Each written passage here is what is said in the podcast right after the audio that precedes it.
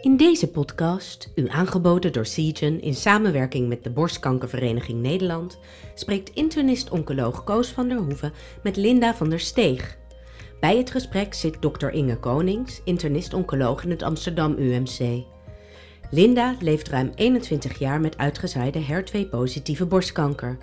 Zij vertelt openhartig over haar aandoening, de behandeling, de impact op het dagelijkse leven en de goede relatie die zij heeft met haar behandelteam. Mede door alle nieuwe ontwikkelingen die er zijn, houdt Linda hoop. HER2 positief borstkanker. Daar is de afgelopen 20 jaar, of eigenlijk al 25 jaar, heel erg veel veranderd. En dat heeft ook gemaakt dat sommige patiënten heel erg lang behandeling krijgen voor deze ziekte. Ik ga daar dit keer over praten met de patiënte Linda van der Steeg.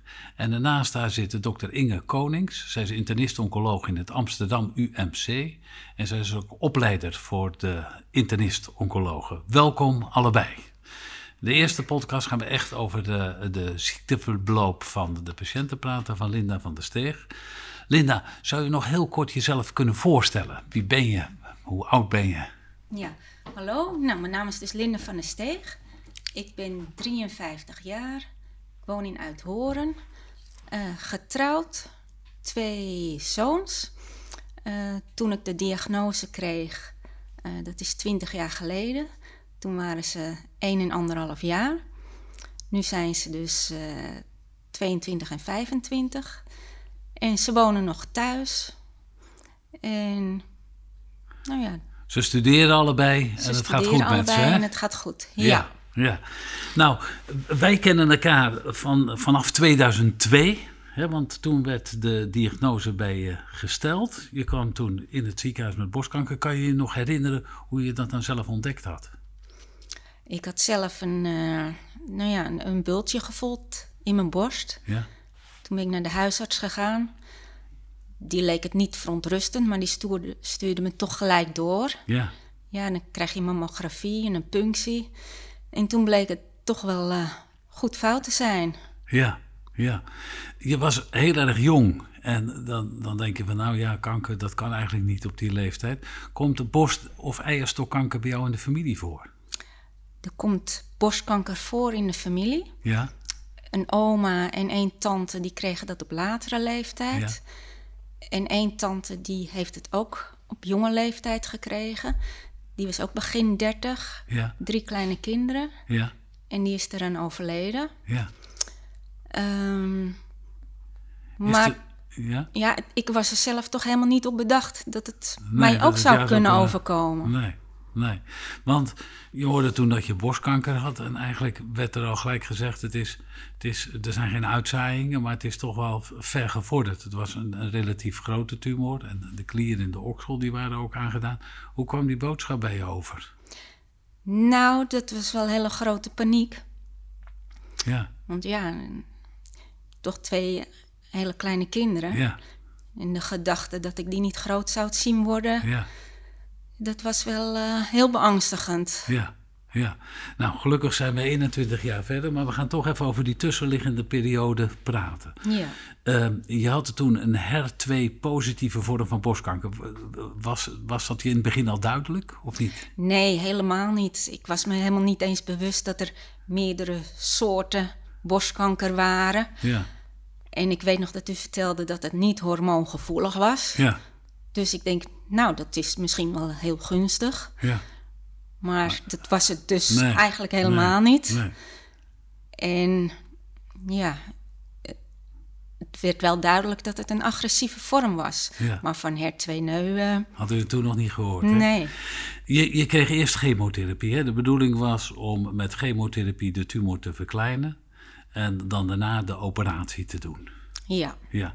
En uh, je hebt toen ook hele hoge dosis chemotherapie gehad. Daar, daar hoeven we het nu niet over te hebben. Dat was de zogenaamde Spinoza-trial. Je kreeg hele hoge dosis chemotherapie. Uh, hoe, hoe heb je dat verdragen? Nou, die eerste kuren die heb ik heel slecht verdragen. Daar werd ik echt wel heel ziek van. Ja. En daar viel ook uh, mijn haar van uit. Ja. En het, ja, het ergste was dat ik ook niet het gevoel had dat het hielp. Nee. Ik had ergens steken in die borst. Ja. En naar mijn idee voelde ik de tumor zelfs groeien. Ja, ja. Dat, dat, dat hebben we proberen te meten. En toen leek het toch een heel klein beetje kleiner te worden. Maar je had er niet zo'n heel goed gevoel over. Nee, hè? nee. Nou, wat we eigenlijk altijd doen in dit soort situaties, als, als er geen, eh, geen, geen reden is om daarvan af te zien, word je toch geopereerd. En je bent toen geopereerd. En toen viel het weefselonderzoek erg tegen. Kan je daar nog iets van herinneren? Ja, want ik had ook wel eh, eh, tumorcellen in mijn lymfeklieren. Ja. Zaten er allemaal. Ja, ja. ja. Hè, er was, was nog veel tumor in de borst eigenlijk, wa- was te zien in het eh, operatiepreparaat. En ook de klieren die bevatten tumor. En eh, ja, we wisten eigenlijk al van tevoren dat je na de operatie ook nog bestraling zou krijgen op de, op de plaats waar de tumor gezeten had en op de oksel. En daar ben je ook aan begonnen, hè? Ik zou bestraald gaan worden Ja. en dan word je helemaal afgetekend en alles. Maar nog voor de bestraling begon, voelde ik al bultjes op het littekenweefsel. Ja. Ja, ja, toen is er weer een punctie genomen. ja. En toen was het dus alweer terug voordat ik met de bestraling zou beginnen. En die werd toen ook afgeblazen. Ja, want toen werd eigenlijk, eh, dat was eigenlijk in de beginperiode dat we dat Herceptin goed kenden als medicijn tegen, tegen borstkanker. En eh, je bent toen begonnen met een behandeling met Taxol. Tegenwoordig noemen we dat vaak paclitaxel, maar Taxol en Herceptin. Ja, Want die bultjes die zaten op je borstholte, zaten ze ook nog op andere plekken? nee, wat ik me herinner alleen op waar het litteken zat. Ja, oké. Nou, je bent toen begonnen met die Taxol en die eh Herceptin. Dus ook chemotherapie, ook weer infusen. Ja. Hoe, hoe ging dat? Hoe verdroeg je dat? Ehm, nou, dat staat me heel goed bij. Want ik had die eerste kuur gehad dan. En toen stond ik, eh, misschien het twee of drie dagen later, dat ik voelde onder de douche. Ik voel je toch even. En die bultjes waren weg. Ja, En ik kon het eigenlijk zelf niet geloven, dus je blijft eh, voelen. Maar dat sloeg gelijk aan. ja. En, en je zei van die eerste kuren dat je er erg ziek van was, hè? Die, die, die je in het begin gekregen had. Was je van die Taxol en die Herceptin, was je er ook ziek van? Nee, veel minder. Ja. Veel minder. Ik had het misselijke niet meer. Ja, en je had natuurlijk een beetje de support. Hè? Je had een positief gevoel, omdat je al heel snel merkte dat het, eh, dat het goed werkte. Nou ja, dan krijg je weer een beetje hoop. Ja, ja. Nou, op een gegeven moment was het helemaal weg. Toen ging toch de bestraling beginnen, hè? Ja. Ja. En hoe ging dat? Eh, ja, dat was wel heftig, want mijn huid raakte daar erg van, eh, van open. Ja, Het werd echt een wond en dat is eigenlijk nooit meer helemaal genezen. nee. Dat is eigenlijk altijd zo'n klammetje gebleven. Ja. Maar tijdens de bestraling gebeurde er ook iets. Je had, je had eerst bultjes gewoon op de borstholte, maar op een gegeven moment ontstonden er ook bultjes op je Ja, arm. dat, dat was weer later. Dan Ja. kreeg ik, eh, werd mijn arm rood. Ja, het werd rood en daar hebben we ook En- een punctie van gedaan. Ja, En er zat ook toen was het Er zat ook op je rug. Ja. Klein beetje. Ja, en dan praten we over 2003. En vanaf die tijd was het eigenlijk iedere keer als je stopte met de chemotherapie, met het Herceptin erbij, dan kwamen Ja. die bultjes weer terug. Ja, Dus je hebt eigenlijk vanaf 2003 ben je altijd in behandeling geweest. ja. Kan je, wil je nog eens zeggen hoeveel kuren je met Taxol gehad hebt? Ja, ik heb het bijgehouden. en ik heb 298 kuren taxol gehad. Ja. Bijna 300 keer een infuus gekregen met Taxol. Ik, ik denk dat je daar misschien wel wereldkampioen mee bent. Want eh, dokter Konings, Inge, ken jij mensen die zo vaak, neuropathie, of die zo vaak Taxol gehad hebben? Nee, nee ik, eh, ik, eh, je zag me al kijken, dat zien de mensen thuis natuurlijk niet. Maar eh, ik dacht zo, dat is wel inderdaad heel veel. Dus ik vroeg me af, heb je daar dan nu bijwerkingen van die blijvend zijn? Nee, niet. Ik heb wel eh ja, hand-voetsyndroom heet dat. Ik krijg hele rode gevoelige handpalmen en voetzolen. Van mijn handen heb ik dat niet. Maar als ik een lange wandeling heb gemaakt, dan moet ik dat wel eh besturen. Dan krijg ik echt wel zere voeten ervan. En hoe, hoe gaat dat nou in het dagelijks leven? Ga je iedere, iedere drie weken naar het ziekenhuis voor een infuus? Iedere week? Iedere week? Ja. dat is wel een keuze. Je kan het ook eens in de drie weken Ja. doen. Maar ja, ik zeg altijd never change a winning team. Dus Ja. eh, het gaat goed zolang ik het iedere week doe. Ja, Ik kan wel een keertje overslaan. ja. Maar eh, Nou, eh, we, praten er zo gemakkelijk over, maar dat is 20 jaar dat je eigenlijk bijna zonder onderbreking behandeling hebt gehad. Of is er ook wel eens een periode geweest dat je helemaal geen behandeling kreeg? nou, met de corona heeft het even stilgelegen in het ziekenhuis. En volgens het protocol zou ik best eh, een, even zonder kunnen. Zonder de trastuzumab. Ja, En de chemopillen kon ik thuis natuurlijk gewoon doorslikken. ja, Maar toch na zes weken eh, voelde ik weer plekjes. ja. En toen was het, eh, was het alweer terug. Dus je hebt eigenlijk geconstateerd dat je continu behandeling moet hebben. Ja, En daarmee is eigenlijk de ziekte onder controle. ja. Nou, als je dat nou wel eens tegen, tegen mensen zegt die niet voor kanker behandeld zijn, of mensen die wel voor kanker behandeld zijn, die kunnen zich bijna niet voorstellen dat iemand 20 jaar zo behandeling krijgt. Hoe verdraag je, wat betekent dat nou voor jou en voor je, voor je man en voor je kinderen en het dagelijks leven? Ja, als ik dit van tevoren allemaal had geweten, dan, eh, dan had ik het wel benauwd gekregen.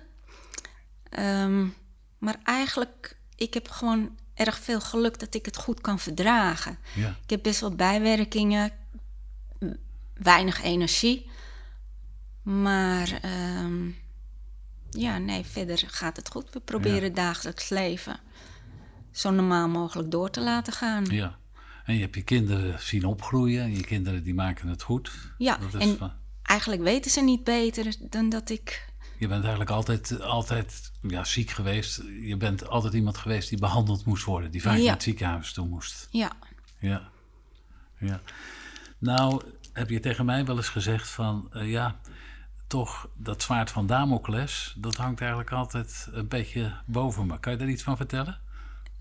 ja, dat blijft altijd wel boven je hangen. Dat Ja. is, het is altijd weer eh, hopen dat die tumormarker laag blijft. Ja. Ja. Maar het is al zo lang, je kan er ook niet iedere dag bij stil blijven staan. En het lukt je dan ook niet eh, te leven alsof het je laatste dag is. Ja. Ja. Je probeert maar eh, ja. van alle kleine dingen te genieten. Ik heb je behandeld tot 2007, dus dat is een hele tijd geleden, maar we hebben toch af en toe nog contact gehad. Ik heb ook wel eens gevraagd, wil je er niet eens mee stoppen?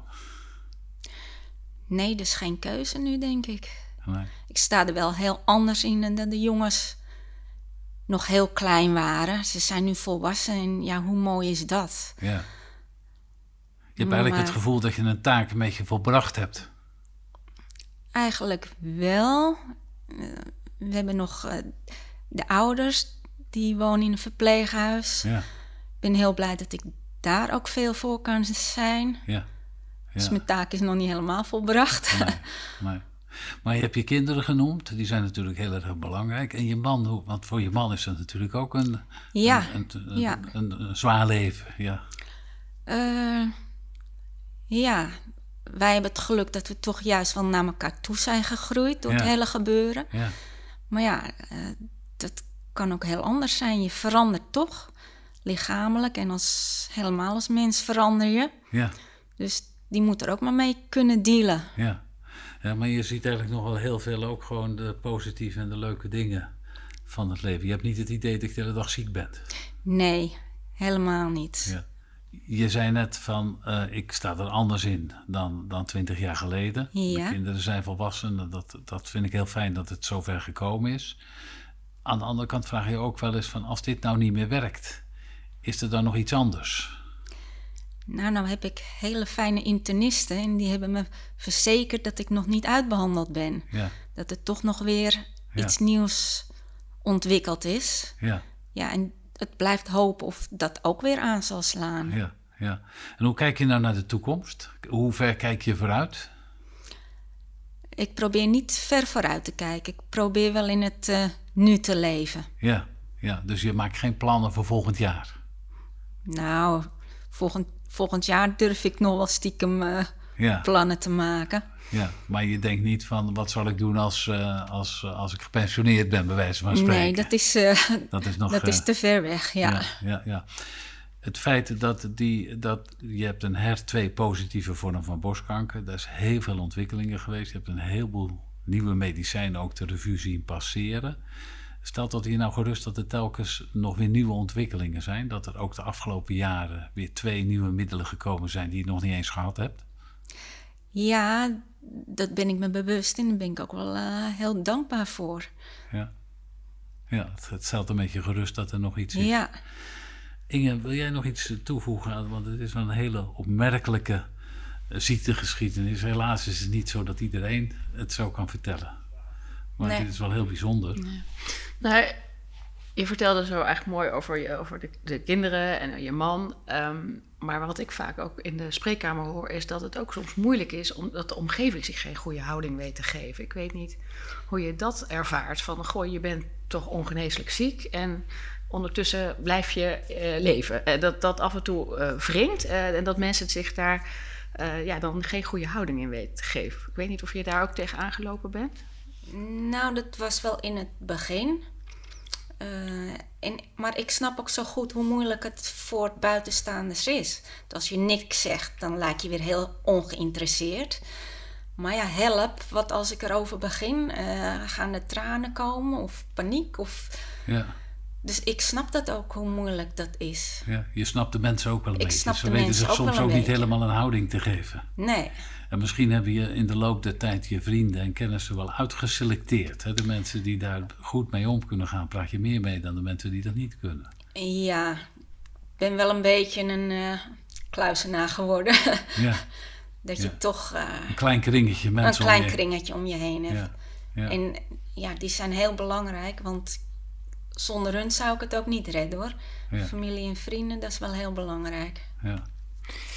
Ik had nog een vraag, omdat je al zo lang eigenlijk in het ziekenhuis eh, bent en, en als patiënt ook groeit. ehm, heb je het idee dat je zelf als patiënt ook anders bent eh, naar het consult, zeg maar, in de spreekkamer bent gegaan? Dat je misschien meer durft te vragen of meer, ja.